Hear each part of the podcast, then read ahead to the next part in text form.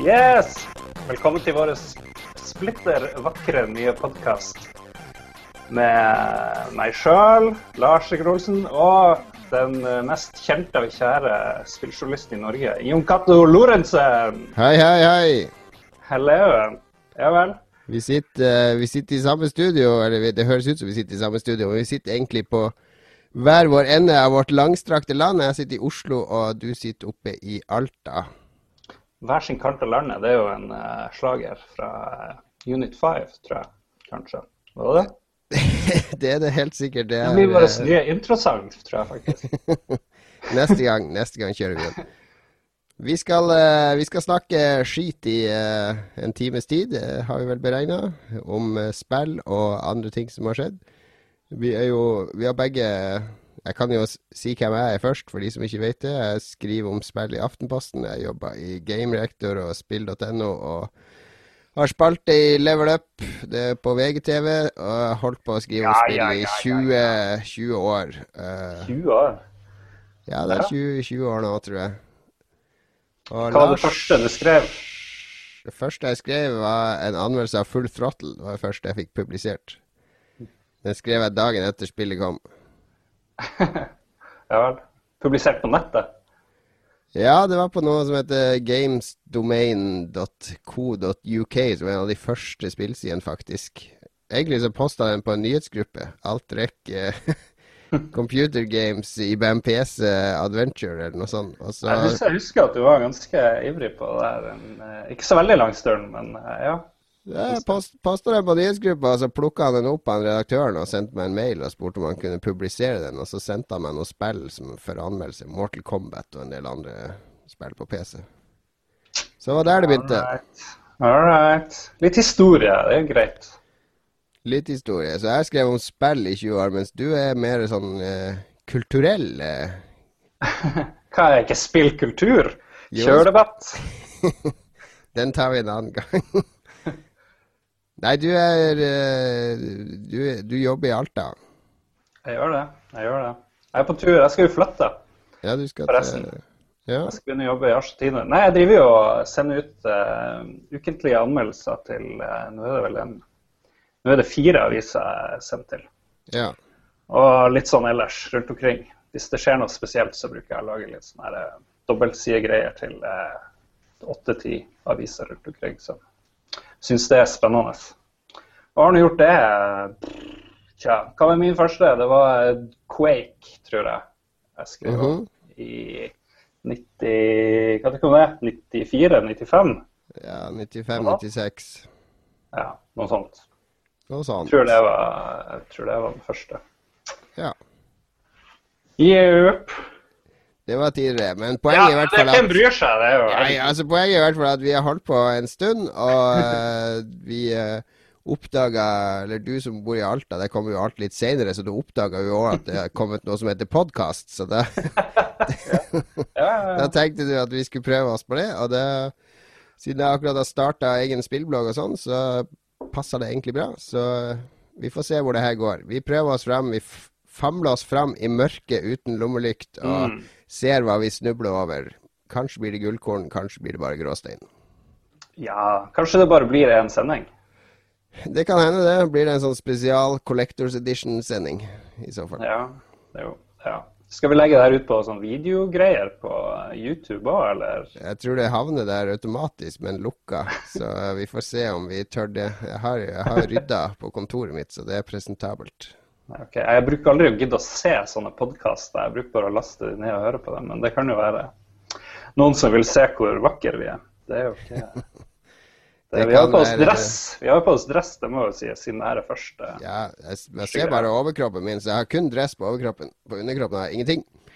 Men eh, Så jeg skal ikke reise meg og gå på do. Ja, OK.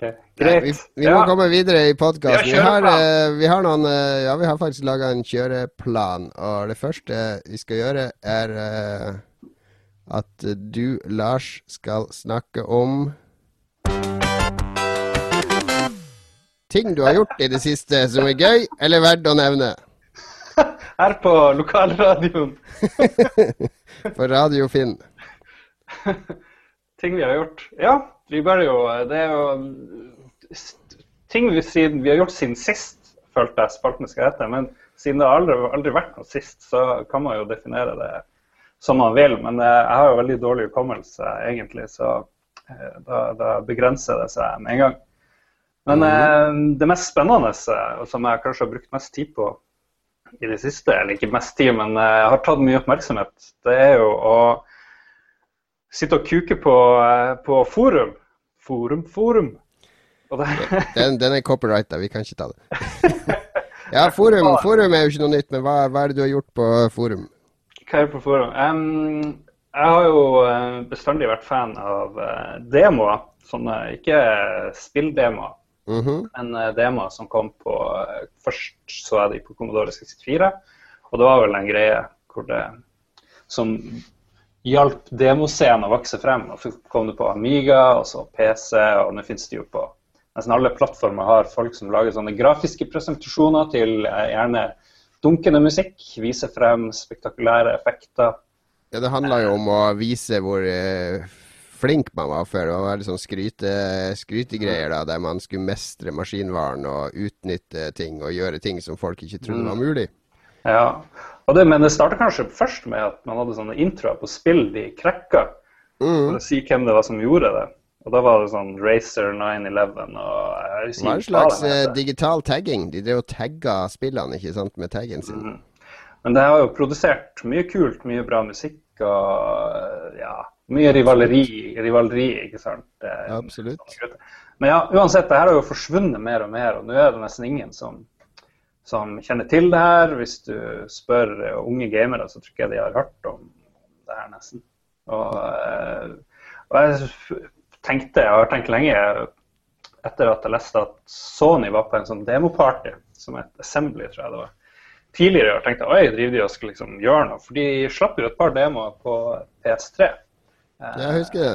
Det var noen sånne sære greier med sånn katt og, og brun, brun, himmel og Ting som fløy. Linger in Shadows het ja, den. den demoen der.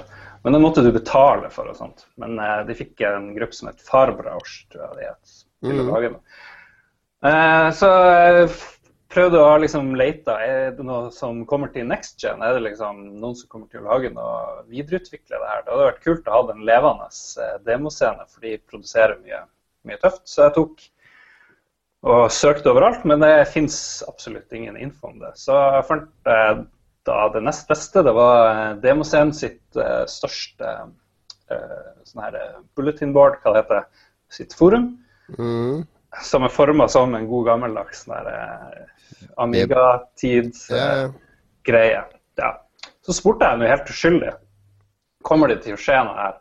Uh, og det endte jo opp med 200 postinger, tror jeg det er nå, over 200, hvor jeg etter hvert ble skjelt ut uh, etter nota. Hvorfor ble du skjelt ut?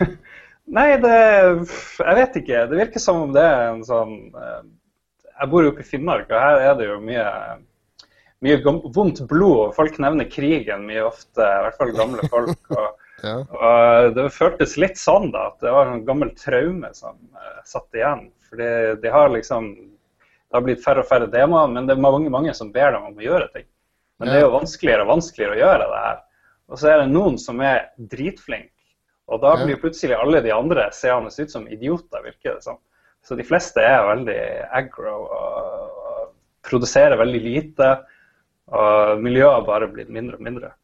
Så når jeg begynte å Ja, altså, jeg var, jo, jeg var, jo, i det miljøet sjøl på et vis uh, ja, i Amiga-tida. Men uh, alle jeg kjenner hoppa jo av når PC-en tok over som dominerende plattform. Fordi det som var morsomt uh, Jeg kjenner jo en, en som heter Stein, som fortsatt driver og lager demoer på Commodore 64. Altså, det har vært hobbyen hans i 30 år. Og han mm. møter Han drar fortsatt på sånne tyske demokonkurranser for Commodore 64. Fordi de, de fortsatte å knekke koder i den maskinen og gjøre ting som, som, som ikke var mulig for ett år siden. Mm. Så, og for han tror jeg mye av sjarmen er at det er et veldig lukka system. Ikke sant? En lukka arkitektur der du hele tida må lete etter nye løsninger og nye, mm. uh, måter å, å, gjøre ting som egentlig ikke skal være mulig på. Så jeg tror for mange, når PC-er kom, ikke sant, så ble det jo Du har uendelig med ram. Du har skjermkortene er så kraftige at du kan egentlig gjøre hva du vil. Altså, det, mm.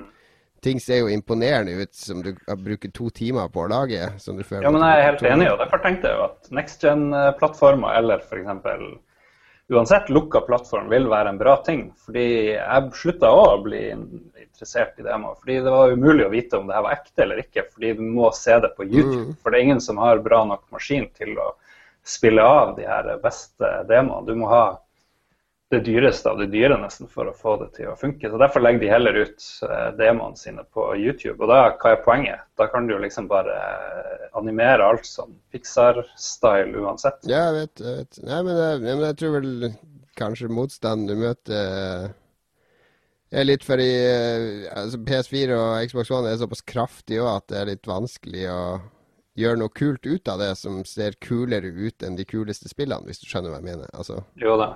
Jo da, og det er jo mange demofolk som har begynt å lage spill. Men jeg kom nå i snakk med noen folk, og bl.a. en som har uh, sånn hacker-alias uh, Smash, som jobber i, eller er en del av Fairlight, som lager noen av de feteste demoene. Så kom mm. over en ny greie av han, som er lagd på noe omtrent samme hardware som en PS4. Ja, okay. Så tenkte jeg Eller det var litt før jeg fikk tak i han der Smash. Jeg tenkte OK, hvordan skal vi røyke ut de her folkene? For det var ingen sånn av de hardcore demogruppene som ville si noe. Så da sendte jeg eh, et par av de trådene jeg var med på, til Kotaku og eh, Eurogamer. For å høre om de hadde lyst til å lage noe på det. Og da gjorde Kotaku det, og da ble jo bare Det gjorde alt enda verre. Fordi alle som så det, de bare hata det de luxe. Ingen, som, ingen som kommer uskada ut av en Kotaku-sak. jeg vet jo at det er liksom ikke det mest kred-kule å menge seg med Kotaku. Men det, de, kunne jo, de ville jo sikkert fått svar, akkurat sånn at VG får svar hvis eh, de gidder å ringe noen, mens du sjøl som privatperson ikke får, eh, mm. får, så mye respons. Men uh, greia på Kotaku var jo at uh, sånne vanlige gamere ikke syns det her så så jævlig bra ut, selv om det var effekter som aldri har blitt gjort før i real time i det hele tatt det er en demo som folk kan lytte frem som et uh, Ja, men det, det, er jo nettopp poenget. altså Når du lagde vektorer på en Amigo, eh, fylte vektorer på Amigaen, så var det jo noe som du ikke hadde sett i et spill før. Eller du lagde mm. ti bobber som spratt på skjermen, eller du lagde spriter i borderen til Commodore 64, så brøyt du barrierer. Da, da la mm. folk merke til det. Men det nå er det så små, uh, intrikate veldig matematiske nerdeting som du bryter barrierer på, at hvis du ikke har mm. innsikten, så ser du det ikke. Nei, og litt av problemet er vel òg at sånne nye spill, der er det litt vanskelig å se hva er rendra på forhånd med sånn her eh, tegnefilmstil, eller hva er effekter, ikke sant? hva er realtime. Og og det der skillet har liksom blitt viska ut. Ingen som bryr seg om ting i real time lenger. nesten. Ja, det er akkurat så. som i film. det vet du. Er det her green screen? Er det her uh, en kulisse, eller er det bare data? Altså, det Ja. Nei, men uh, han der Smash i hvert fall, som lagde den der demoen som heter Apocalypse When, han jobber jo også for Sonic Computer Entertainment i Europa og lager sånne libraries, graphics yeah. uh, libraries, og lager effekter. Sant? Han har drømmejobben for en sånn yeah. Jeg tenkte yes, han må jo være liksom maks fyr og få til å høre om ikke Sony og de her andre har lyst til å liksom involvere demoscenen. Men han ble bare dritsur fordi de her tilbakemeldingene på demoen hans, den her Apocalypse When, yeah. som den heter, var skikkelig negativ. Han bare Nå skal jeg aldri koble meg sjøl og jobb og hobby lenger. Og, nei, det er kjeften rant overalt. Så det ble bare kjipt. Men uh, så ditt korstog, eh, ditt korstog for eh, demoscene på konsollene har kommet til en abrupt stopp? Ja. Jo. Skal ikke dra det mer ut. Men det gikk til helvete. Og han fyren der han mente at det var ikke noe vits å involvere demoscenen. Fordi hvis demogruppen skal ha lyst til å kode, så må de ha tilgang til alt. ikke sant? Ja, ja. Fulle maskiner. Hvis de har det, så kan de jo krekke og hacke. og det vil spillutviklere og distributører få fnatt. Da blir det sånn ny eh, ny krise sånn som Sony hadde eh, for noen år siden. Ja, det er et godt poeng. Ja, Faktisk. Ja, Men jeg har eh, mitt neste prosjekt da, jeg har, Selv om det gikk til helvete, så er jeg oppildna. Nå noe annet jeg har tenkt på lenge, det er å få X-Pilot, et gammelt Unix-spill som vi kan heller snakke om Mhm. senere. Få det remaka. Så det skal jeg liksom eh, plage noen med neste gang. Du skal ringe til Bjørn og de to andre der på Universitetet i Tromsø. Vi kan vie et helt program til X-Pilot, og det tror jeg vi lar Ja, ligge akkurat nå. Men det, det er en skjult skatt som absolutt må frem i lyset. Det er det. Det er det. Det er mye godt å si om X-Pilot. Ja, hva du har gjort i det siste? Nei, jeg har eh, Det siste halve året har jeg kicka litt på eh, brettspill og kortspill. Altså sånn ikke, ikke dataform, men fysiske spill som man sitter rundt et bord og spiller med andre mennesker. Eh, fordi det har, vært, eh, det har vært en voldsom renessanse innen brettspill de siste fire-fem årene. Uh, Leda an av mange gode tyskere, men også resten av verden har kommet etter nå. Og eh, ja, jeg har rett og slett oppdaga veldig mange kule brett- og kortspill. Som også har relevans til dataspill, som jo er det jeg jobber med. Eksempel et av de beste strategispillene jeg noen gang har spilt, er Twilight Struggle. Den ene av de to designerne jobber jo i uh, Arkin Studios og har vært med å lage Dishonored. Så det er veldig mange paralleller her. altså Lage et godt brettspill eller kortspill handler jo om å lage veldig gode spilleregler med eh, dynamikk og nok frihet til at spilleren føler at han har kontroll.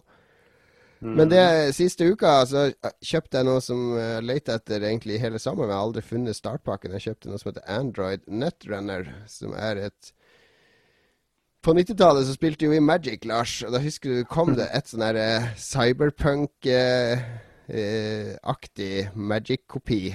Så vi prøvde så vidt. Jeg tror vi kjøpte to startere og et par boostere. Ah, jeg husker ikke det. Ja, men det, det var i hvert fall Richard Garfield han, eh, som var bak det òg, da. Og Det ble aldri noen suksess, men Android Netrunner har tatt det samme konseptet, da, men de har gjort det til et lukka kortspill. Altså, Du kan ikke kjøpe boostere og bygge dekk sånn, men du kan kjøpe ekstrakort, og da får du alle kort du trenger. Altså alle kort som finnes. Det er ingen sjeldne kort eller uh, sånne ting. Så du kan ikke drive og selge kort for verdi. Så at du har et fast uh, utvalgt kort, og så skal en, det er to spillere. da, Den ene skal være en corporation, og den andre skal være en hacker. Er det bare toplayer, da, det her, eller? Ja, det er bare toplayer. Det har også oppdaga at veldig mange av de kuleste nye spillene er faktisk toplayer. Det blir en veldig fin eh, eh, enkel dynamikk når det er to, da. Og spesielt når det er sånn asymmetrisk, sånn som net, eh, Netrunner er. Fordi når den, den ene er corporation, så er hans oppgave å lage servere og beskytte de med, med ICE og, og ulike sånne der, beskyttelsesprogrammer. Og så skal han legge inn agendaer på de serverne, altså målsettinger som Corporation skal oppfylle, og da får han poeng. Mens hackeren sitt, eh, sitt spill går ut på da å bygge ut eh, utstyret sitt, eh, installere programvare, og så hacke disse serverne og stjele agendaene. Så, så Corporation sitter liksom og legger en liten sånn kabal og sitter og beskytter seg mot hackeren hele tida, mens hackeren må være aggressiv og, og invadere hele tida. Hvor mange kort er det til sammen? Ja, I hver sin kortstokk så er det vel 60 kort. Okay. Eh, Og da er det ikke noen flere kort? Ja, det, det finnes jo Du kan sette sammen kortstokker Det finnes vel noen hundre kort for hver. 100 expansions. Nei, ja, det fins Jeg tror det fins ti expansions, og det er 20 kort i hver. Så det er 200 kort der, pluss noen hundre i de startpakka. Så det er ikke så jækla mange kort ennå, men det, det kule er at det, det er tre forskjellige typer hackere, da. Og de har forskjellige typer kortprofiler. den ene går veldig mye på virus og, og ødelegger og sabotere, mens den andre er mer sånn organisk. og så det er også fire forskjellige corporations, og de har også forskjellige profiler. Du har nyhetsmediet, som har masse morsomme sånn eh, forskjellige direktører du kan sette inn som gir deg spesielle powers og sånne ting. Men det, det var Jeg spilte med sønnen min på tolv nå i en uke. Vi har spilt det nesten hver kveld. Og det blir liksom nye spill. Du må tilpasse spillet ditt hele tida etter hva du får på hånda, og, og hva motstanderen gjør og sånn. Så det, jeg leste veldig mye bra om det før jeg prøvde det, men jeg var litt skeptisk fordi jeg er ikke så glad i sånne rene kortspill, sånn Magic-type spill. Men det var helt annerledes enn Magic, så det var Jeg ble superpositivt overraska. Ja vel. Hva det var basert på et uh, Det er basert penn og papir-rollespill, var det? Ja, det er opprinnelig basert på Cyberpunk 2020. Ja. Uh, så, men så nå er det basert på noe som heter Android, som jeg ikke kjente til fra før av. Men det er visstnok sånn fremtidsgreier der menneskene har kolonisert solsystemet. Altså det store stridspunktet det er en sånn der uh, tunnel på, ved ekvator. En sånn gravitasjonstunnel som brukes til å frakte varer ut fra rommet, eller inn fra rommet, ikke sant? Er latterlig urealistisk. ja, det er en slags heis til, uh, til orbit, ikke sant? Og det, det, er det som hele striden dreier seg om i det universet. Så, men jeg skal sjekke ut Sjekke ut ei bok derifra, i hvert fall. For du har mm. jo fått, fått, litt farge på det universet via kortspillet, så det har gitt meg mer smak. Ja, men uh, har det noe med der, uh, de her Witcher-guttene Driver ikke de og lager noe sånn cyberpunk uh, Ja, de lager vel, det er vel basert på cyberpunk. Men det er 2074, eller et faen? Ja, det er et stykke lenger frem i tid. Altså 2020 er jo om syv år, fra, Lars. Så det ja, det Jeg har ikke fått noe chippa i hjernen ennå, eller eller exoskeletons. Ja, ja, faen, jeg fikk jo vaksine via staten for noen år siden, så det kan jo være noe der. Men Jo, det tror jeg. Framtida er her. Det er bare å omfavne den. Ja vel. Hva det heter Cardrunner? Nei, Android? Android Netrunner heter det. Må, startpakken koster vel 399 på Outland, eller sikkert par hundre hvis du bestiller fra utlandet. Ja. Og ja, vel. boosterne lå på litt over hundrelappen. Men bare to stykk, det høres litt sånn Ja, hvor ofte sitter du ned med Ja, ja. Jeg. Jeg, jeg har jo en sønn på tolv år, så jeg begynner jo Jeg har jo tre sønner, så han eldste han kan jo jeg begynne å spille seriøse spill med. Altså å mm. leve alle gamle geek-fantasier på nytt igjen gjennom han. Så jeg regner med de andre to også kommer til å følge etter. Men uh, nei, det er nå hvis du har uh, du, Det hender jo du har en venn på besøk, og sånn at du ikke har hele huset fullt av folk som skal spille, ikke sant? Mm. Ja, det var bra. Nei, men jeg skal, jeg skal prøve det. Mm. Nei, men det Ja. Vi var jo på en uh, herlig hyttetur for ikke så lenge siden. Ja, det... Og, eh, hva det heter Dominion. Det var jo et bra. Dominion er jo et kjempekult spill. Det var jo det første gang jeg oppdaga hvor kult kortspill hadde blitt igjen. Ja, Nei, men det var fantastisk. Men du måtte jo ha en egen bil med all esken til de her expansionene. Det var det eneste ja, Det er bra vi har en venn som heter Frank, som eh, gjerne fyller et helt lasterom med brettspill. ja. Um, skal vi ta mer ting som har skjedd? Jeg, vil, jeg må nevne jeg har kjøpt to Atari Lynx. Ja. Siden jeg føler at det her er rett forum til å Jeg husker jo første gang jeg så en Atari Lynx, var jo hos deg på 90-tallet. Ja, og den har forsvunnet. Oi. Og hvis Mats eh, Johansen Rindal hører på det her, så tror jeg fremdeles at du har denne den greia. Jeg tror faktisk vi må ha han som gjest for å finne litt mer ut av For kryssforhørene. Vet du hvem som eh, designa og lagde den opprinnelig? Det var noe Amiga-folk. Nei, nei, nei. Det var jo. Epix. Det var Epix. Jo, men i hvert fall De som lagde Winter Games og Summer Games. jo, jeg vet det. Ja, de lagde den på 80-tallet, men de fikk ikke solgt den til noen. Ja, men Epix lagde jo spill. De som lagde hardwaren, må jo ha vært noen som Det var Epix som lagde hardwaren, Lars. Jeg lover. Jeg, jeg vet det. Jeg har, jeg har, lest det, men jeg leste også at det var noen folk som hadde noe med Amigaen å gjøre. Men eh, ja. Kanskje, kanskje. Vi lar det ligge. Jeg har, ikke, jeg har, ikke, gjort så mye mer. Jeg har vært i Skulpturparken på Ekeberg, men eh, det oh. Ja, den er fin, den. Det var noen bra dame der? Ja, mange fine statuer. Men jeg er jo, jeg jo skada av uh, geek-oppveksten min, så jeg ser jo Når jeg ser to sånne sammensmelta mennesker som henger i trærne, så, så ser jeg jo en, uh, en grusom Kutulu-skjebne og sånne ting. Jeg klarer, klarer ikke å tolke det normalt. Uh, det, det er langtidsskade av yrket.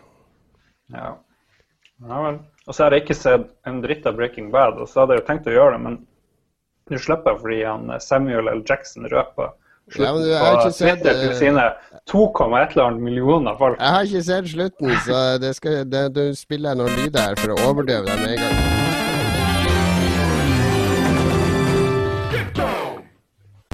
Ja, og sånn gikk det. Hva skjer? Det som skjer nå, er at vi går rett over i spillnyhetsspalten som jo er neste på kjøreplanen. Trenger ikke si alt som er på kjøreplanen. Ok, ok. Ja, det er første program, så da er det ingen Ikke engang vi vet hva, hva vi gjør. Så, og lytterne vet i hvert fall ikke hva som skjer. Og nå over til deg Oslo. Spillnyheter, hva skal vi snakke om eh, der, Ja. Lars? Hva har skjedd siden sist? Jo, Steam har, eller Valve har jo annonsert eh, Ja. et Utrolig gøy. Ja, ganske Ganske det er, eh, det, det er morsomt nok. Jeg er jo veldig glad i Steam. Jeg spiller jo Jo veldig mye på PC. Og det, alt Men har du lyst på et nytt operativsystem, liksom? Enda et? Trenger vi det? Nei, det gidder jeg ikke å installere på en PC, men i en sånn Jeg vet ikke hva jeg trenger. Jeg har jo en sånn Oya liggende. Jeg har ennå ikke kobla den til TV-en. Ja, det er vel fordi den der kontrolleren er så dårlig at jeg bare Ja, så den- på den strekningen. Nei, den kontrolleren er helt, helt grusom.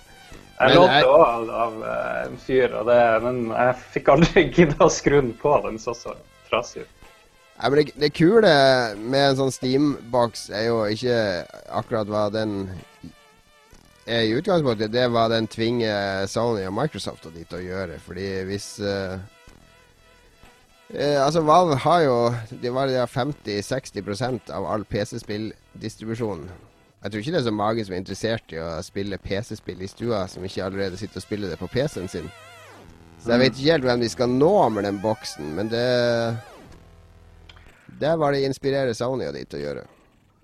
Hva de skal Nei, tull, tullegreier. Men uh, den kontrolleren så jo litt kul ut. Men uh, ja, jeg vet ikke. Det var, den fikk mye dritt på gaff, uh, så Men ja,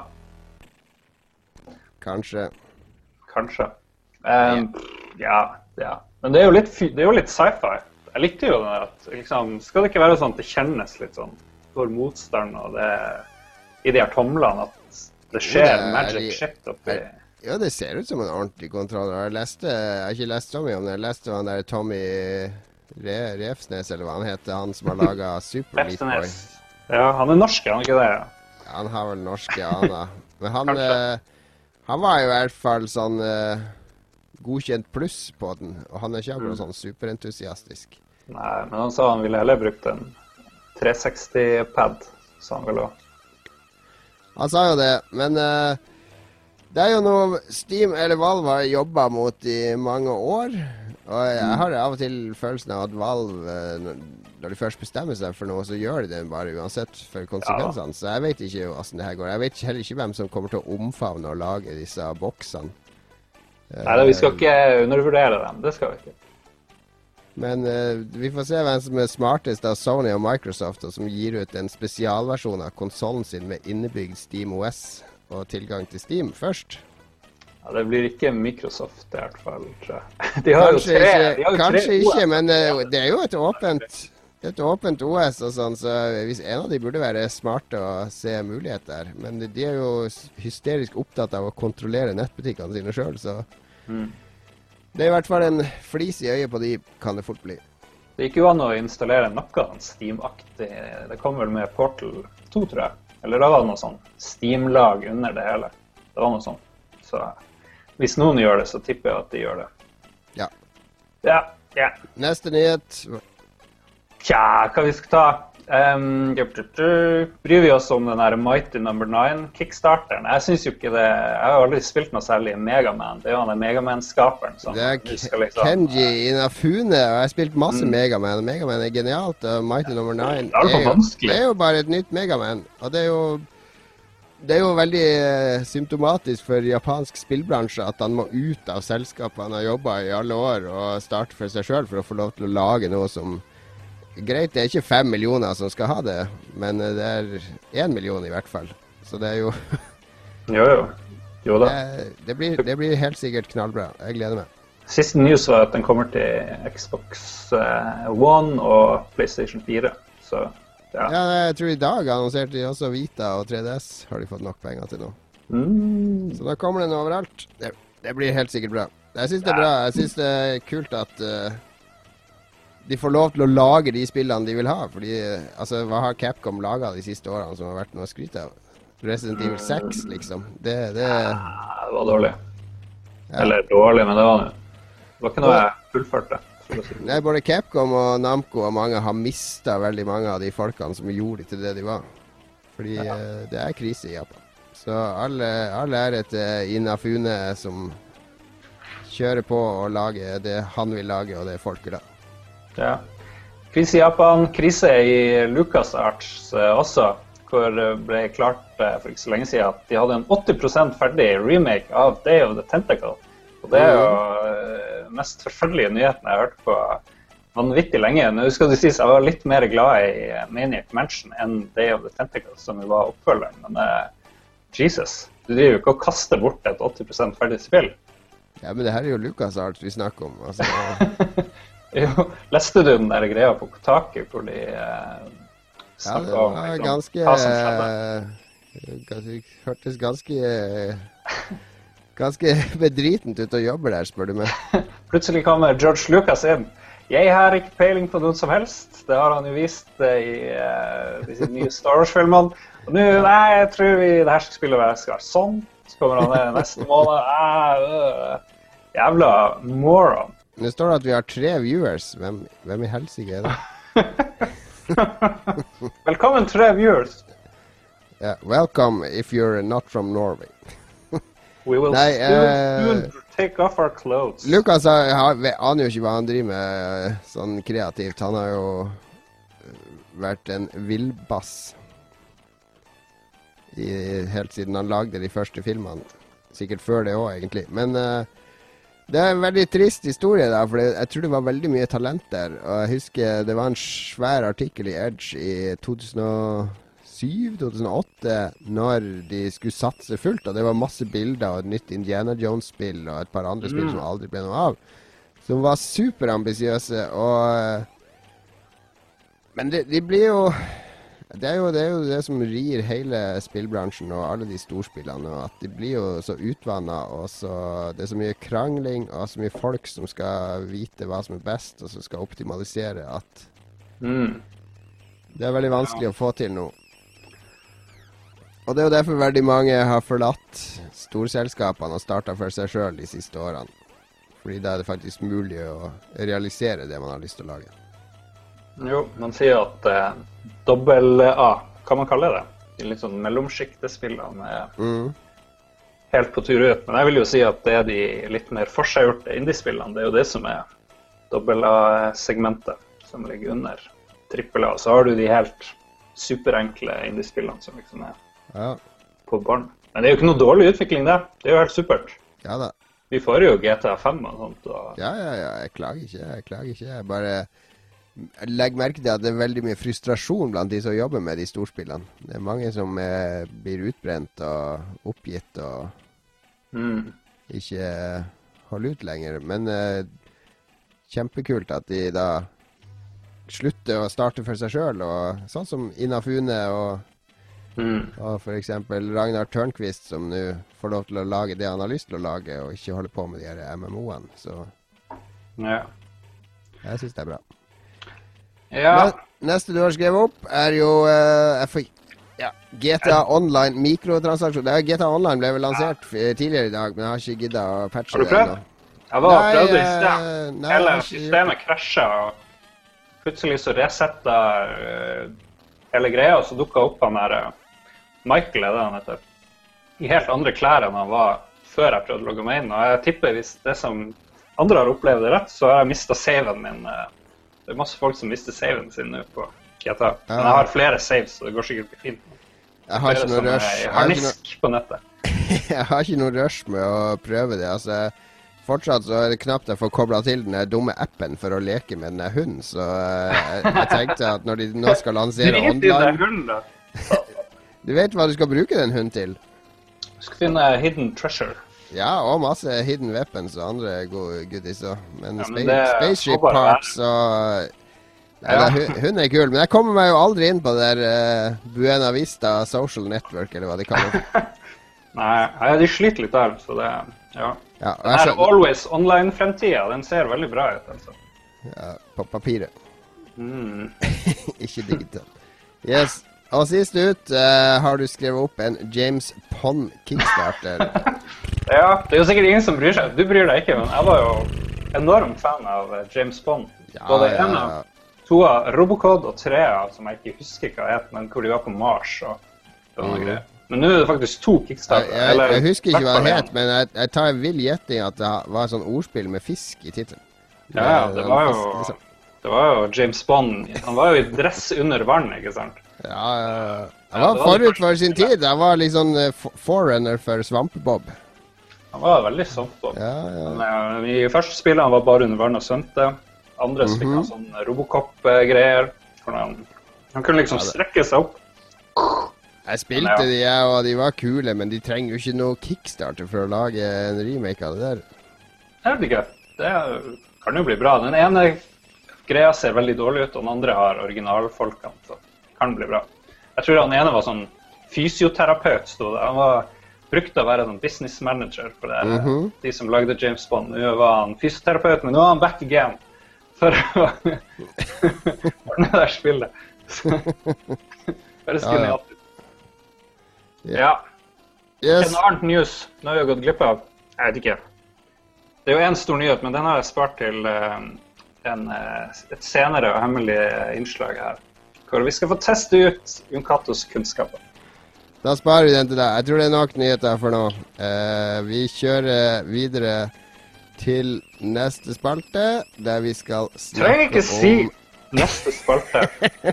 Jeg liker å gå inn i OK, OK. Vi kjører på videre. Hva har du spilt i det siste, Lars? Uh, det jeg spiller mens vi sitter her, er jo uh, farsatten Cookie Clicker, som har gjort at jeg aldri skrur av uh, maskinen min. Den har uh, ikke strømsparing i det hele tatt, så jeg vet ikke Hva det er der, eh, det der ASKI-spillet i browseren, der eh, det skjer ting bare du har et vindu oppe? Ja, men det er ikke ASKI. Det er, det er ASKI-greia som du tenker på. Det er kanskje Candybox. Ja, Candybox. er ikke Candybox. Nei, men det er samme greia. Bare okay. at her er åpner det med en stor cookie, så må du trykke på den med musa. Mhm. Når du har fått ti cookies, kan du kjøpe en cursor som klikker av seg sjøl. Og hvis du får eh, 100, tror jeg det, så kan du kjøpe en grandma. Og Mhm. så eh, ned og ned og ned. Det hvert beste du kan ha, det er en antimatter condenser som tar sort materie fra verdensrommet og lager om til cookies. Så nå lager jeg jeg utfordrer alle til å produsere mer cookies enn meg. Jeg har nå 931 billioner cookies og lager 26 milliarder i sekundet. Og det har jeg brukt kanskje et par uker på. jeg vet ikke. Og sånn går det dagene oppe i Alta. Så kjæresten min og. Vi driver og følger med. og til. Det er totalt meningsløst, men det er helt gratis. Ja, ja, ja. Eller annet. Jeg skal kanskje, kanskje sjekke det ut. Jeg kjenner ikke helt overbevist, men eh, det Oi, er oi! Nå dukker det opp en eh, flyvende cookies. Kan jeg trykke på den? Kanskje det. Fikk jeg 32 milliarder ekstra cookies. Det er bare nummer som går opp hele tida. Liksom, Ja, ja. alle elsker å se nummer gå opp ikke sant, i spill. Så det her er kun det. Ja. Nei, det er eh, Ja, det er vel sikkert mange som spiller det òg. Ja, tydeligvis. Det er, ja, det har jeg sett, sett folk som gjør det. Så det er, det jeg har spilt mest i det siste. Ja. Er, eh, er det noe annet du har spilt i det siste? Eh, GTA 5 selvfølgelig. Ikke noe online, for det gikk til helvete. GTA 5 har man sagt nok Det har om, jeg snakka meg tom om. Det har jeg vært med på podkast og på eh, VGTV. Hva med volden og tortur? Se, nei da, du trenger ikke si noe. Det Nei, jeg er Ja. ferdig med det. Men Selda har du spilt? Selda, det er jo så veldig bra ut, men kameraet gjør meg nuts. Jeg vet ikke hva det er. Jeg Jeg styrer, at det er jeg styrer det manuelt hele tida, så jeg har ikke noe problem med det. Jeg har mer problem med at den rulleknappen er det samme som å plukke opp ting, så jeg driver og ruller rundt Mm. hele tida. Ja, jo. Men det, jeg vet ikke, det ene med kontrollene er at man kan ikke inverte mus, eller hva det heter. Man Nei, kan ikke invertere den der aksen, som jeg bestandig gjør. Så jeg tar Jeg er for gammel til å lære meg noe nytt. Ja. Men ja, jeg har ikke spilt nok til å, til å kunne gi noen sånn endelig dom, men eh, ja, Det ser det, veldig fint ut. ja, det er kjempepent, og det flyter bra. Og det er noen nye ting de har gjort som er kule, så Det, det fly, er, det, det blir, høres ut som ordspill når vi snakker om at det flyter så bra. Fordi det Du er på en båt hele tida! Men eh, det er eh, ja, De har gjort båtreisene litt smidigere. Du har sånn ekstra seil du kan få, altså der du reiser mye fortere. mm. Og eh, det er ikke så mye surring frem og tilbake. Det føles i hvert fall ikke sånn. Men det ser jo så vanvittig pent ut, da. Ja, det gjør det. Eh, det Men vi syns det. Men da dama kom inn og sa ah, er det sånn gammel retro-greier, så syntes grafikken var litt stygg. Jeg bare Hæ, er du dum? det ser jo ut Det er jo som en eh, Disney-tegnefilm fra 60-tallet, ikke sant? er Med sånne tjukke streker. Og I forhold til GTA så var det dritstygt. Det var, det var dommen hennes. Ja, men eh, altså, GTA Tenk hvor stygt GTA 5 Om 20 år så kommer GTA 5 til å se dritstygt ut, ikke sant? Jo da. Jo da. Mens Windwaker kommer om 20 år til å fortsatt se like vakkert ut. Jeg er helt enig. Det er tidløst, tidløst. Mm, ja, jeg har prøvd Fifa 14 på mobil. Det er bare å glemme. Ja. bare tull. Men du får det jo gratis, da. Så hvis du, er, hvis du ikke gidder å kjøpe fullspillet, så, så er det ikke noe vits. Og så vil jeg anbefale Nyas Quest, som er lagd av han her Terry Kavanagh, han som har lagd Superhexagon, hvor du har ledet over meg på high score, dessverre. Ja, det, er, Har du spilt det? det står i kjørebladet at det må du si i hvert program.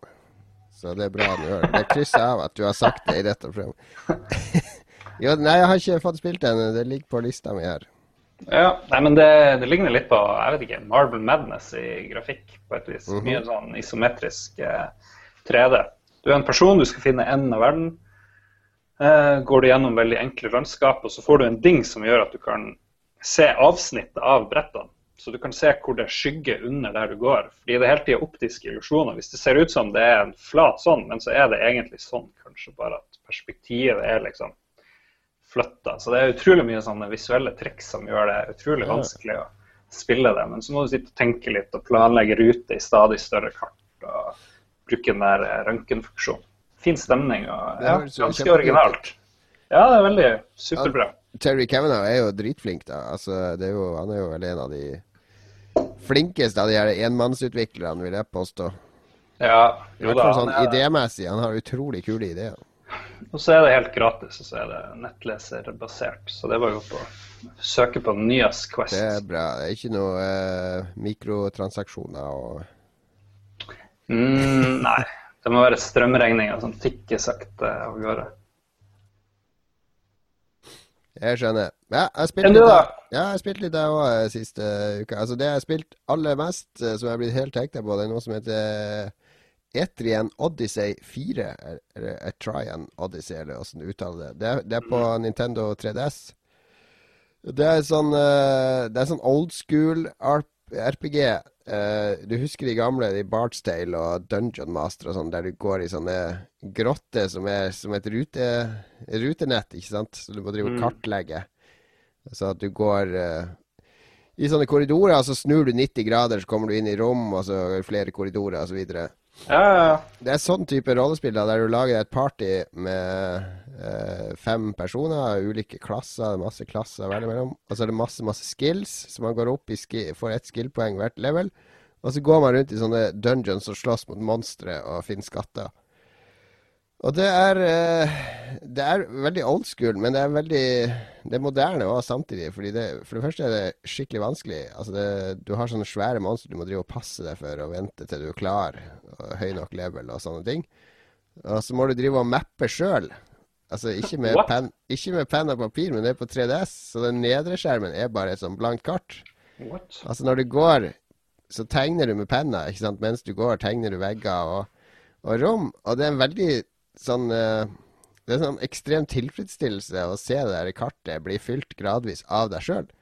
Og jeg Men eh, markerer hallo, driver du og tegner for hånd, eller er bare skrabler du, og så dukker det opp kart? Nei, jeg tegner på rutenett. Det er et rutenett på nederskjermen. Så hvis jeg tegner en strek eh, langs en av ruteveggene, så blir det en helt rett strek der. Så kan jeg tegne streker opp sånn og til siden, og så kan jeg fargelegge med grønt for gress og blått for vann. Og kan jeg plassere en kiste der. Unnskyld, dersom det er en kiste og sånn. Så at uh, um, Altså, jeg hadde ikke gidda hvis jeg hadde måttet sitte med penn og papir og kartlegge, men når jeg gjør det på den skjermen Han lagrer jo kartet mitt, og, Mm. og du ser eh, monster som går på kartet og sånne ting òg, som beveger seg. Så det, det er en enorm eh, tilfredsstillelse å lage de kartene, pluss at den vanskelighetsgraden er såpass høy at du må virkelig opp, eh, tenke på hvilke skills du skal velge og sånn. Og det er masse sånne kryssgreier med at uh, den ene fighteren jeg har, han kan uh, ha sånn elemental attack som gjør at andre blir sterkere osv. Og, så og du kan ha en uh, tank som står og tar imot skade og beskytter de andre og tånte og sånne mm. ting. Så du har mange, mange taktiske muligheter, da. Hvem er det som har lagd det her? Det er uh, Atlus. Atlus-bilder, de som har personer, mm. vet du. Så det har uh, absolutt masse dybde. det, er krise i japansk spillindustri. Det ja, men de her uh, småspillene her det, det her er sånne spill som kan leve på, på noen hundre tusen salg, ikke sant? Så det er det som er kult. Det er jo ikke det er ikke Final Fantasy. Du har ikke cutscenes som har tatt tre måneder og rendre på 20 maskiner. Mm. Det, er, eh, det, er, enkel dialog, og det er enkel plott og alt sammen. Det er megasjarmerende. Så sitte og spille en halvtime nå, en halvtime da. Gå litt videre i grotten, få kartlagt litt mer. Og, og det der med å tegne kart sjøl Har du sett en dokumentar som heter Black, Black Lamp? Nei, Get Nei. Lamp. Get Lamp heter den. Det handler om de gamle Infokom-spillene. Mm. Der driver han og intervjuer noen sånne hardcore uh, adventure-spillere.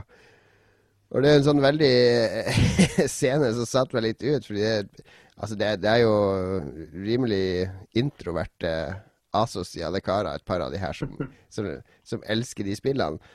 Og det er en sånn scene der han sitter med sånn fem sånne permer på fanget da, og omfavner de. Og det er alle kartene han har laga i alle adventure-spillene han har spilt de siste 30 årene. Så han, han har tegna hvert kart først med blyant, og så har han tegna det om med tusj og med så fin skrift på. sånn.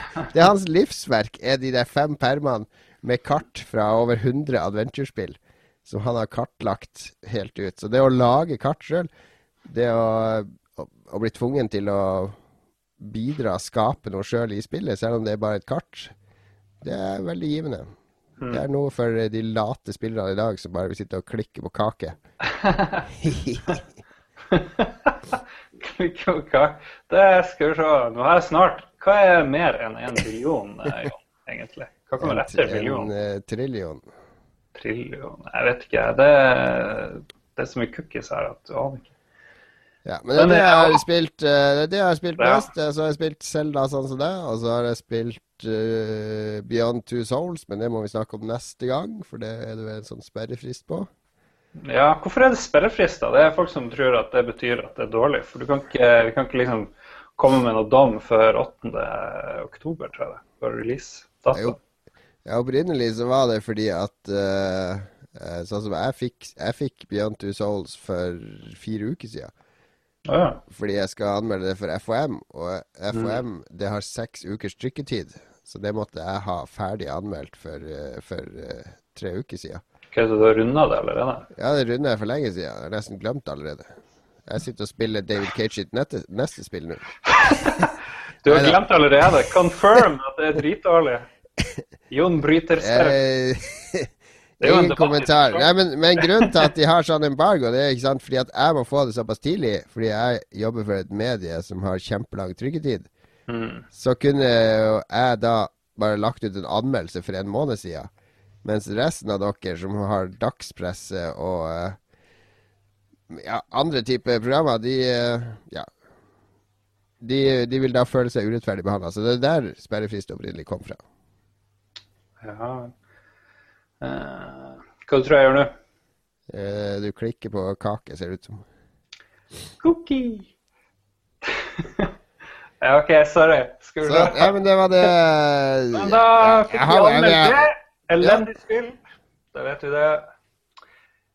det. Det var egentlig det jeg hadde å by på av mine spilleopplevelser den siste uka. Det er Etrian som tar all tid eh, for meg nå som jeg har, når jeg ja. ikke spiller andre spill som skal anmeldes.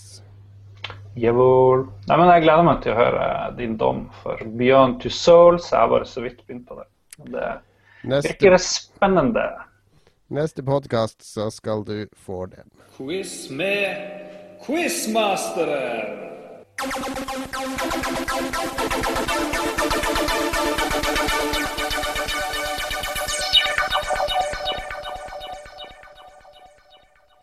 Ah, yeah! Rock on that. awesome intro. Nå er jeg spent. Det her vet jeg ingenting om. ja, Vanligvis så er du, Jon Cato Lorentzen, eh, quizmaster på Tilt. Er det hver uke? Nei, det er jo gæren. Det er hver måned. Hver måned. Ok. Og der driver du og eh, presser ut svar fra folk, eh, og jeg hører at det er bare sånne spillindustrifolk som vinner det her.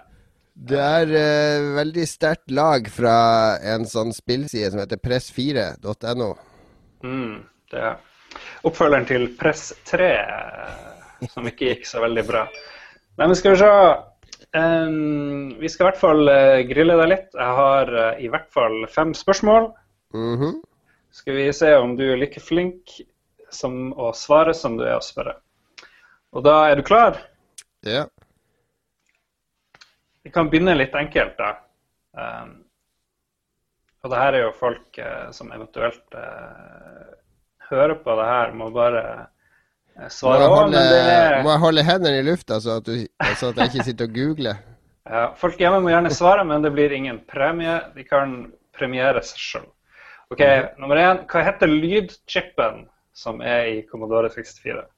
Den heter Sound Interface Device, eller SID. OK, der tok du eh, oppfølgingsspørsmålet mitt eh, i samme slengen. Poeng. 6581 var første modellnummeret.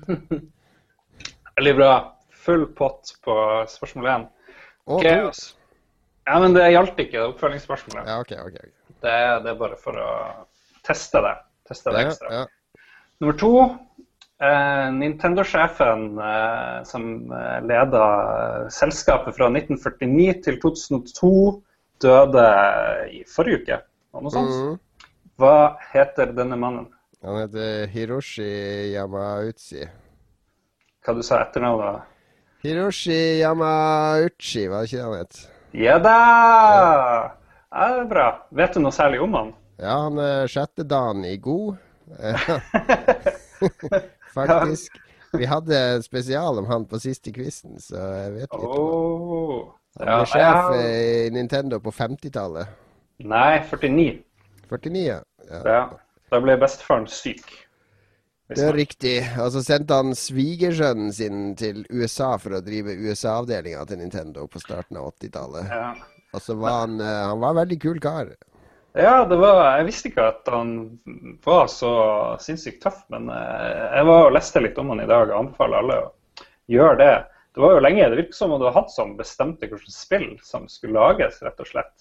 Eh, Han hadde periode. ekstremt mye makt, og når de sånne vestlige kom for å forhandle med han, så var det var et par av de som kunne god, som faktisk spilte god mot han, og det var liksom en av måtene å få respekt på, var at de kunne konkurrere med han på hans premisser.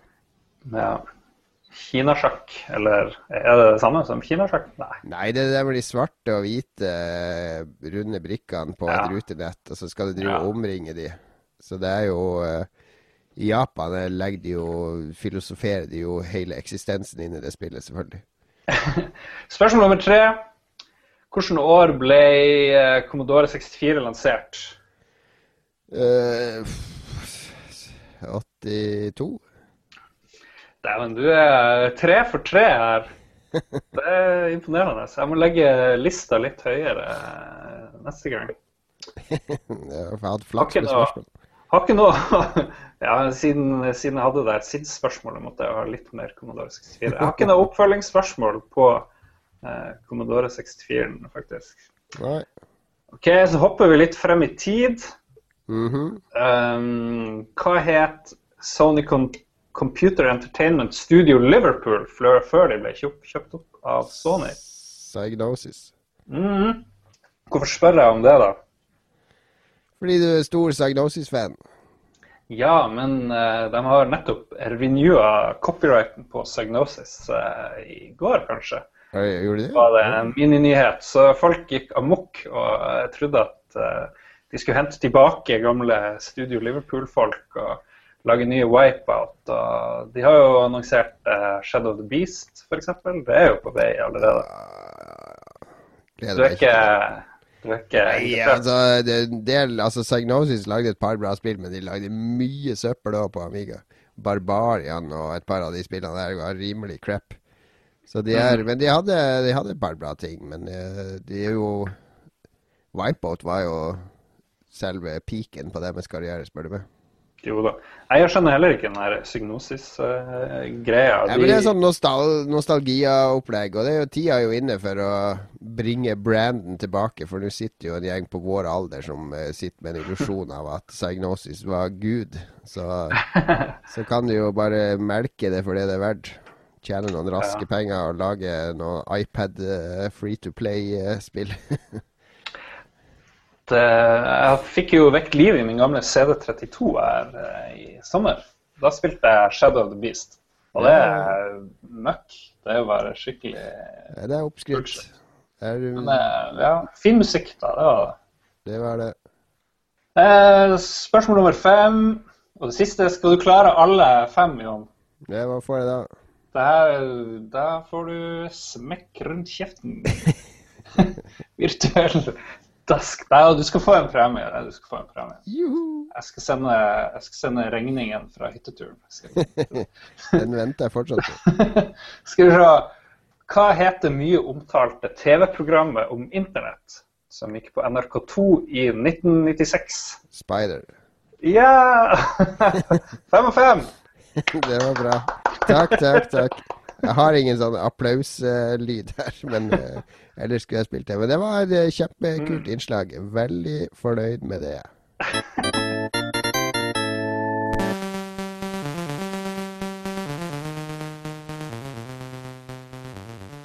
Da tenner vi noen stearinlys og uh, tar på et pledd over bena. Har en kopp te i fanget. Herregud. Sett meg tett inntil Lars. Overgrep. Tenkte på gamle dager. Mm. Det er på tide okay. å mimre litt. Det er retro å gjøre det. det er, denne gangen er det Lars sin tur å mimre om et gammelt spill. Mm. Og hvilket spill, Lars, har du tatt med i dag? I dag skal vi uh, snakke om Moonstone. Jeg vet ikke om du har prøvd det. Moonstone A Hard Day's Night. Det var det var på Amiga, var det ikke det? Amiga og MS-DOS, faktisk. Mm -hmm. eh, lagde, eller Gitt ut av Mindscape og designa en dude som heter Rob Anderson. Og det visste jeg ikke før jeg fant ut at vi skulle ta for oss det her spillet. Men eh, Rob Anderson eh, er en fyr jeg er ganske fornøyd med. Mm -hmm. um, spillet handler om én uh, til uh, fire nights Mm -hmm. Kanskje bare én til tre. Jeg tror det var én til fire. Nei, det er fire. Det er jeg sikker på. Som driver og leter etter uh, gamle eh, steiner som de skal liksom sette sammen, og til slutt skal du få en moonstone. Fordi du begynner spillet i en, uh, en sånn Stonehenge-aktig greie. Ja. Hva slags greie er det? Sånn 2D-plattform, eller er det Jeg vet ikke hva jeg snakker om? Top down eh, Ja, jeg vet, men det er jo, jeg har jo lytt, du må jo forklare det for lytterne. Det er så retorisk. Nei, det er old school 2D. Eh, du har et mm. ganske simpelt kart. alle begynner i hvert sitt hjørne. Mm -hmm. Og i midten så har du da sted hvor det er en sånn endboss. Men um, ved, ved, alle sine startsteder så har du en village hvor du kan gå og heale. Mm -hmm. uh, og Det fant jo ikke jeg ut før jeg var ganske gammel og hadde spillet lenge, så jeg gjorde det jo altfor vanskelig for meg. Men um, det du ett fase én, gå rundt på det kartet, prøv å komme deg til ulike steder. Uh, men av og til så får du sånne random encounters hvor du møter på ulike monster. Og det var, det var ikke så mange monster, det var kanskje fire typer. Ja. Store kjemper tredobbelt så stor som deg med svære klubber som kunne dem med ett slag. Du hadde løve, eller en sånn løvetypeaktig greie. Så hadde du sumptre. Et mm. tre som kunne sluke deg og også drepe deg i ett hugg. Mm. Var det noen flere enn de tre monstrene? Jeg tror kanskje ikke det var så mange flere. Jeg husker ikke det. Men jeg husker ja. Altså det jeg husker Jeg, jeg spilte ikke det spillet så mye, men jeg husker at det var var, var kjent fordi det hadde veldig kul grafikk. Altså sånne store, fine figurer. Ganske mm. kul, bra animert. Ja, og så var det ganske blodig. Du kunne hogge av armer og bein og sånn, hvis jeg husker rett. Ja, du kunne hogge av hodet på folk og sånt. Eller skjære dem i to. Men det er det jeg husker fra det. Så hva, hvorfor vil du dra frem dette spillet? Hva er det som gjør det her spesielt? Det her er jo Vi sitter jo her under pleddet, og der feida musikken ut, for den var over. Men vi sitter jo her under pleddet og skal mimre gamle perler. Hva er det som gjør det her til en perle for deg? Mm, Det er i hvert fall, Jeg kan si hva det ikke er. i hvert fall. Det er ikke musikken. For i jeg spalte her, så drev jeg og lette etter eh, musikk til Munstad. Og den har bare musikk i starten, egentlig. I landsbyene og helt på slutten. Og den musikken er helt sånn helt grei. Men det har noe med feelingen når du går og eh, kjemper mot de her monstrene. Det har ufattelig mye med timing å gjøre. Eh, Og hvis du får timinga rett, så får du sånn enorm tilfredsstillelse ved å kakke de her monstrene som squisher og splosjer. Det har en sånn her eh, lyd som gjør at du bare har lyst til å få høre mer, eh, mer og mer av dem. Ja, ja, Du kan også gå opp i level. Eh, Du kan samle artifacts som gjør at du får spesielle evner. F.eks. kan du beskytte deg mot ild fra en sånn drage sånn på random. mm. Flyg rundt omkring eh, på skjermen. I tillegg så har du i de landsbyene så kan du fære og gamble. Hvis du blir lei av hovedspillet, så kan du bare fære med pengene dine og plutselig begynne å gamble. Og jeg følte at det var da jeg var liten at det var vanvittig variasjon, og det, det var det for så vidt. Jeg og tre, to andre prøvde det der for ikke så veldig lenge siden. Det var, vi hadde det dødsgøy. Spillet varer heldigvis ikke så fryktelig lenge. liksom. Det går så lange tid man har funnet alle de her fire eh, Ja. symbolene. Og da må man begynne å slåss mot hverandre, for inntil da så har man liksom latt hverandre være i fred. Og da begynner en litt sånn taktisk spill. ja, så dere spilte hver, hver deres knak, knekt og sånn? Ja, Ja, ja. jo, jo. Så eh, hvem skal jeg ta først? Det var litt innovativt, den der eh, fra cooperative til uh, competitive, liksom. Ja, ja. Og eh, som du sa, animasjoner og grafikk var veldig, veldig bra på, Ja, på den tida. Så um, man kunne liksom velge å spille det på mange måter. Enten kunne du være to stykker som bare kjemper mot hverandre. Mm. Hadde som en sånn combat-simulator tidlig barba Eller en ny utgave av Barbarian, hvis du Ja, ja. husker det, som var veldig morsomt. Så ellers kan man gå i landsbyen og gå på pub og drikke og, og styre. Så mye mer er det ikke egentlig til, til det der spillet. Men um, Men det har Ja. sin sjarm. Tror du en som uh, Tror du sønnen min på tolv hadde syntes at det var noe kult, når du ikke har eh, nostalgibrillene fra barndommen på det? Ja, tror det. I hvert fall hvis han klarer å spille det med ordentlige kontroller. Fordi vi spilte det med to kontrollere, så, så måtte vi bytte på dem. Og den ene fungerte ikke opp. Så hver gang vi skulle møte hverandre, så måtte han ene spille med stikker som ikke fungerte å ta oppover, for Ja. Og kontrollene var skikkelig ræva, egentlig. Sånn, eh, du, må ha, du måtte huske alle tingene, for ingenting blir forklart. da Ja, ja. av Så, men det er nok mest for de med nostalgifølelsen. Det er det. Men eh, ja, Eh, Men nå fikk jeg en utrolig god idé at uh, i denne spalten her fremover, så skal Når en av oss har valgt det spillet, så skal jeg få Thomas til å spille det spillet. Og så skal jeg ta opp et lydopptak av han der han snakker om sitt inntrykk av spillet. For da får man det fra en ung Og han, han kan spille, han spiller mye spill, ikke sant? Men da, Mm. da får man det uten nostalgifilteret fra han. Så får man se om det faktisk klarte å fenge ungdommen i dag. Ja, genialt. Hvis du eh, får til det, så Det skal vi få til. Men uh, takk for mimrestunden, Lars. Uh, jeg, har, jeg har ikke spilt Moonstone siden eh, på 90-tallet, men du ga meg faktisk lyst til å prøve det. Mm. Det koster bare 500 pund for en mint copy på eBay. Ja, men det, det er jo det jeg får i honorar for denne podkasten, så det går jo opp i opp. For du det. ja, får, ikke, får, får ikke du? Da nærmer vi oss faktisk uh, slutten, og jeg tenker at vi faktisk avslutter med en veldig fin sang. Som vi kan gjøre fast hver gang. Hva er det slags uh, sang vi Det skal her høre på? er en artist som heter 8-Bit Betty, som nettopp ga ut uh, en plate på Bandcamp. Og det er ikke, det er ikke spillmusikk, men det er, det det er en sånn uh, subsjanger av folk som lager musikk som høres ut som spillmusikk, og høres ut som også det er laga på gamle maskiner, men som egentlig er laga på ny maskinvare. Nerds. Ja, men det er i hvert fall en veldig fin avslutningssang, syns jeg. Uh, jeg har kost meg stort. Uh, det Når, når Vi må ha en pause i midten neste gang. Det er mitt store forslag til eh, fornyelse. Ja, det er Og så må vi snakke om nye regjeringa. Det har vi glemt. Det blir Ja. regjeringsspesial neste gang. Det er ikke en ny regjering ennå. Du kan vente til den faktisk er en ny regjering. Det kan jo være Ja, at jeg vil ikke snakke om noen ny regjering. vi, eh, vi får ta på bakrommet hva vi skal snakke om i neste program. Jeg har i hvert fall kost meg veldig, fordi eh, for 20 år siden, det er 20 år siden snart, Lars, 17 år siden, når du bodde her nede, så hang vi veldig mye sammen hver dag, og i stedet for å gå på eh, Hva heter det dritet i Oslo Spektrum som vi snakker om å gå på hvert år? Hyperstate.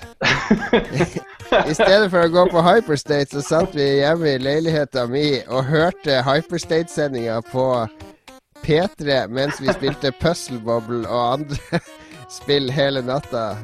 Uh, vi levde nerdelivet i Oslo, og det var en veldig fin tid. Det var herlig.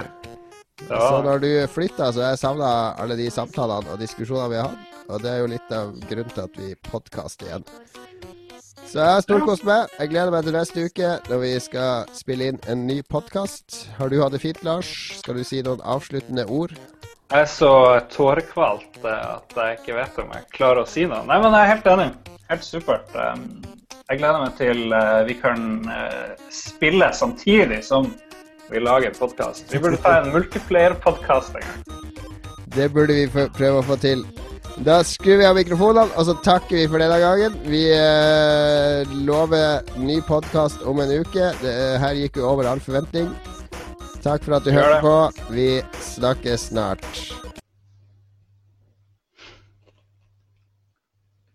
Juhu! Veldig bra.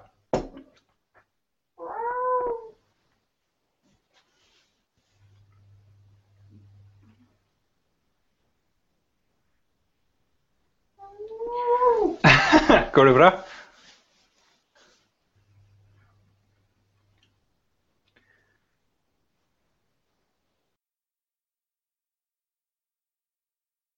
Har du et enkeltpersonforetak eller en liten bedrift? Da er du sikkert lei av å høre meg snakke om hvor enkelt det er med kvitteringer og bilag i fiken, så vi eh, gir oss her, vi. Fordi vi liker enkelt. Fiken superenkelt regnskap.